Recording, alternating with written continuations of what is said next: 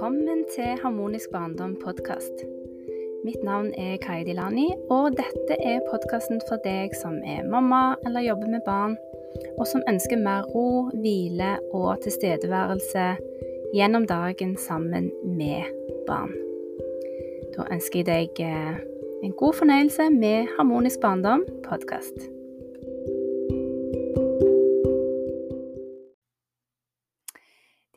Fredag og ny podkastepisode i Harmonisk barndom podkast. Og denne gangen så skal jeg dele en aha-opplevelse som jeg fikk på onsdag. Og det handler om dette med å være i flytsonen og få beskjeder eller aha-opplevelser. Og du har kanskje opplevd det sjøl, at du gjør noe som du egentlig ikke trenger å tenke så mye for å gjøre. At f.eks. vaske opp, brette klær gjøre hus, annet husarbeid eller hagearbeid. Eh, kanskje du går en tur, eller veldig mange opplever det når de strikker, tegner, maler, holder på med sånne aktiviteter. Og det som skjer, det er at hjernebølgene går ned. De roer seg ned. Du får en lavere hjernefrekvens. Og i den tilstanden så får vi veldig ofte gode ideer, vi får aha-opplevelser. Du kan oppleve at du får beskjeder, at du plutselig liksom bare vet noe du må gjøre, eller at du får en innsikt.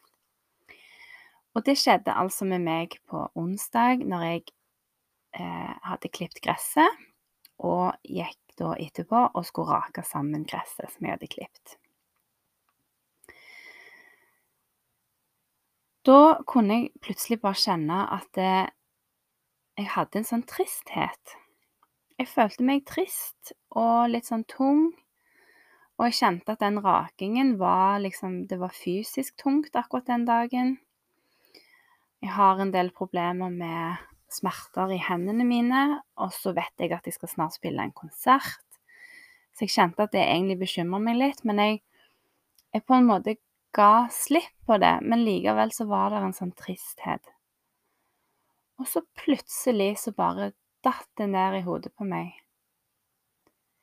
Det er jo denne tiden min mor døde for 17 år siden. Begynnelsen av juni 2005, da døde min mor. Og det har jeg liksom ikke hatt tid, eller jeg har ikke tatt meg tid til å reflektere over det, at det var den tiden på året. Men veldig ofte så kjenner jeg at det skjer noe med stemningen i meg akkurat rundt denne tiden. Og så var det det som bare liksom datt ned som en sånn aha-opplevelse. Og, og, egentlig ikke bare aha-opplevelse, men òg som en sånn Nesten sånn slag i magen. Åh, det er derfor. og noe som egentlig utløste òg den tristheten, og som på en måte minte meg om at det var den tiden på året, det var at det tidligere den dagen så var jeg på Trekanten bofellesskap i Stavanger, der det da er eh, leiligheter for personer med demens som bor fast.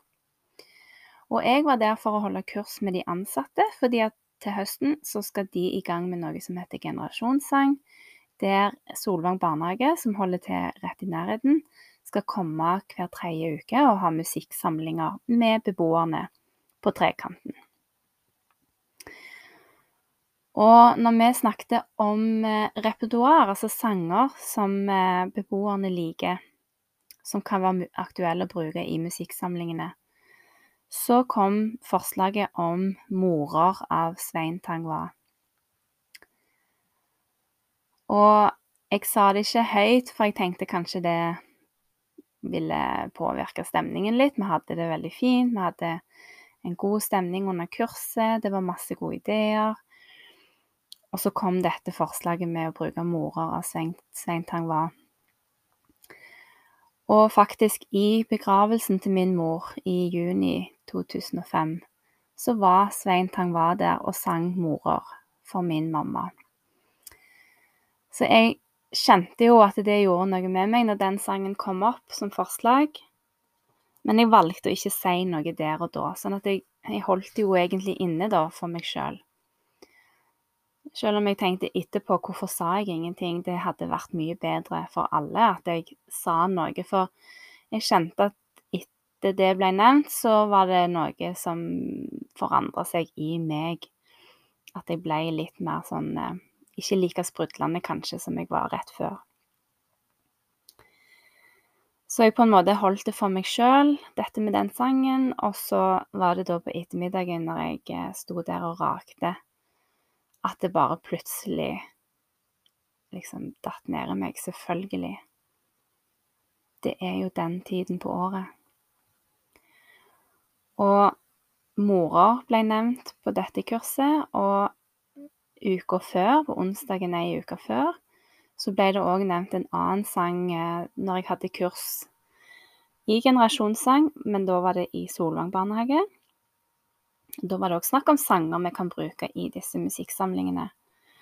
Og da snakket vi om forskjellige voggesanger, og da er det mange eldre som liker at det er litt sånn tradisjonelle sanger, og gjerne voggesanger, og da ble det nevnt den første sang, og så snakket vi om 'Sulla meg litt'. Og 'Sulla meg litt', det er en sang som jeg òg har et spesielt forhold til. Jeg har brukt den masse i Musikk fra livets begynnelse, sammen med babyer, sammen med mine egne barn. Men jeg brukte den òg når min mor lå på dødsleiet.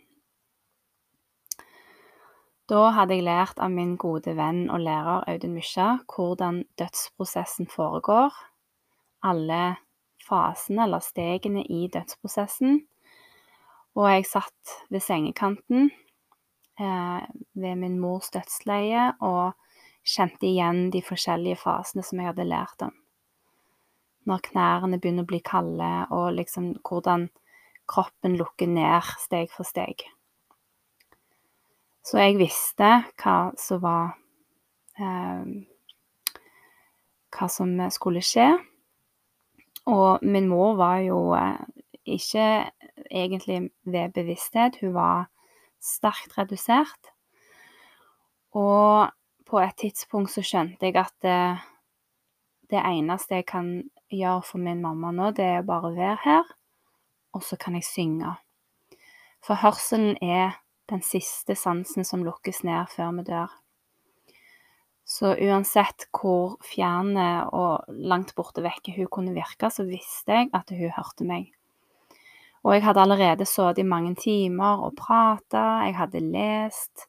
Jeg leste for mammaen min og bare satt og reflekterte over livet. Jeg snakket om tilgivelse. Og det var egentlig et, altså et vakkert øyeblikk, eller noen vakre timer, på veldig mange måter. Og så var det da når jeg begynte å synge, så sang jeg eh, forskjellige sanger, musikksanger altså som jeg vet hun likte veldig godt. Og så bare kom det til meg at jeg skulle synge 'Sulla meg litt'. Og den satt jeg da og sang til henne i de siste minuttene, og timene egentlig, før hun døde. Så det er klart at når den sangen ble, ble nevnt, og morer som vi da seinere spilte i begravelsen, så er det klart at det gjør noe med meg. Og det er jo det som er magien med musikk. At den vekker minner, den vekker følelser. Musikken hjelper oss å få kontakt med deler i oss sjøl som vi kanskje har glemt eller fortrengt. Og når min mor døde, så hadde jeg et lite barn. Det var eh, en måned før Ella ble ett år, så hun var jo bitte liten. Jeg sjøl eh, ble 30 bare noen uker seinere. Og det var liksom ikke så mye rom for å sørge, for jeg var jo småbarnsmamma.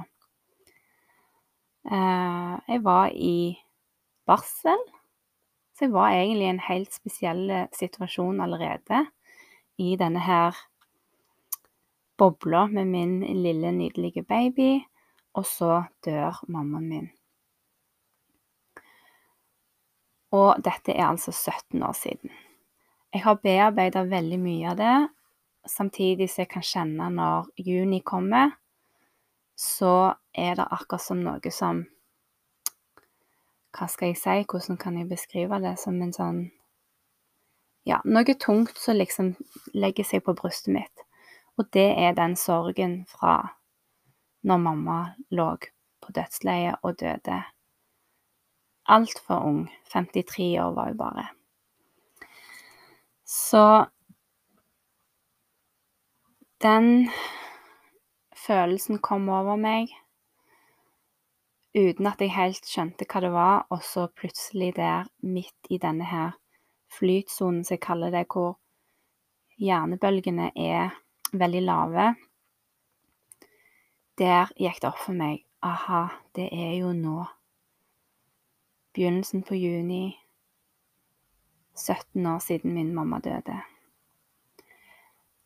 Og tårene begynte å renne, og jeg bare fortsatte å rake, og det var et eller annet sånn befriende med å bare gå der og la tårene trille. Og så tenkte jeg ja, ja, hvis noen ser meg, hva så, det er bare følelser. Og jeg trengte å la de tårene få renne. Som en liten rens der jeg gikk med riva og arbeidsdressen min med nyklipt gress under meg. Så dette var kanskje litt um, syns kanskje det var litt trist å høre om denne opplevelsen, men faktisk, det er en veldig fin opplevelse. Det å kunne være nær når, når en av dine kjære dør, det er en helt spesiell opplevelse å kunne sitte og holde hånda til den som dør. Og liksom se hvordan sjelen bare forsvinner ut av kroppen. Og så ligger det bare et skall på en måte igjen. Og da, når jeg så det, så visste jeg at det var ikke der mammaen min var lenger. Hun hadde reist. Og fra den dagen så har jeg alltid følt et enormt nærvær til min mor. Hun forlot kroppen sin, men hun har aldri reist veldig langt ifra meg, egentlig. Og jeg vet at hun er bare en tanke unna. Og jeg vet òg at hun gir meg beskjeder, så andre ganger når jeg er i sånne situasjoner, så er det hun som kommer med en beskjed. Og det kan godt ha vært hun som òg minner meg om at det var den tiden på året. 4. juni døde min mor, og der sto jeg med riva den 8. juni og hadde helt glemt at det var den tiden på året. Så den tristheten hadde en forklaring. Og når du står og vasker opp, eller bretter klær, eller går en tur, eller strikker, tegner, maler, perler for den saks skyld, hva enn du gjør som er en sånn aktivitet som ikke krever veldig mye fokus og konsentrasjon, eller at du må tenke så mye at du bruker det mentale, så kan du oppleve det samme. Og jeg er sikker på at du har gjort det allerede. Den tilstanden du da er i, er faktisk en veldig sunn tilstand å være i. Det har jeg lært gjennom eh, yogaen, at det, når vi kommer i en sånn Det er jo en meditativ tilstand, og når vi gjør yoga, når vi gjør yogaøvelser, så forbereder vi kroppen på å komme til ro, og at vi kan komme inn i en sånn god, nøytral tilstand når vi skal være i meditasjon. Og som jeg har lært, når du er i en meditativ tilstand, så forlenger du på en måte livet fordi at vi bruker så lite energi på å være i den tilstanden. Så det er enormt sunt for deg. Det er helsefremmende. å tillate deg sjøl å være i en sånn situasjon eller tilstand, enten du går inn for å sette deg ned eller legge deg ned og gjøre en meditasjon, eller at du bestemmer deg for at det å vaske opp faktisk kan være en meditativ oppgave. Så Det du kan bruke dette til, det er at du sørger for at du gjennom dagen gjør noe som får deg i en meditativ tilstand. Og jeg har hørt veldig mange si ja, men jeg klarer ikke meditere, jeg blir så utålmodig og rastløs. Eller jeg klarer ikke meditere, for jeg har så mange tanker. Men jeg er sikker på at når du står og vasker opp, f.eks., ja, så går jo tankene de på en måte farer forbi, men det er ikke sånn du står ikke og grubler på noe, gjerne. Du bare kan, kan merke at du har tanker som flyter forbi. Og jeg pleier å jeg pleier å beskrive det som om tankene flyr forbi som små skyer som bare svever forbi, uten at du hekter deg på disse tankene. De bare kommer og går igjen. Og det er akkurat den tilstanden jeg er litt ute etter at du sørger for å være i. Jeg får den når jeg gjør hagearbeid, jeg får den når jeg vasker opp, jeg får den når jeg sitter og tegner, maler. Jeg kan få den hvis jeg er i sånn litt større Eh, sånn ommøblere, eller liksom bare driver på med ting uten å være så mentalt fokusert. Så tenk over hva slags tilstand eller hva aktiviteter er det du liker å gjøre, hvor du vet at du kommer inn i en sånn flytsone og i en sånn deilig mental tilstand der tanker bare svever forbi. Og så har jeg lyst å avslutte denne episoden med et dikt som min mamma har skrevet. Nå er det en stund siden jeg leste dikt i podkasten, så nå syns jeg det var på tide igjen med et dikt. Og jeg har valgt et dikt som heter 'Bølgedans'. Og jeg syns det passer så fint, fordi at jeg opplever òg veldig ofte at jeg går inn i en sånn flytsone når jeg er ute i naturen. Og jeg syns min mamma har skrevet dette diktet så fint, og du skal få lov å gå inn i helga med det og reflektere over hva dette diktet betyr. Bølgedans, skrevet av min mamma Turid Fiksdal. Melodier fra bølger mot svaberg ga rytmer til sitrende glede mens jeg danset en tango på stranden, med armene rundt meg selv. Når stjernene inni meg glitrer, vil jeg favne deg, by deg til dans. Kanskje danser vi inn i et sandslott, om vi begge trør varsomt i takt. Og med det diktet så ønsker jeg deg en fin dag videre.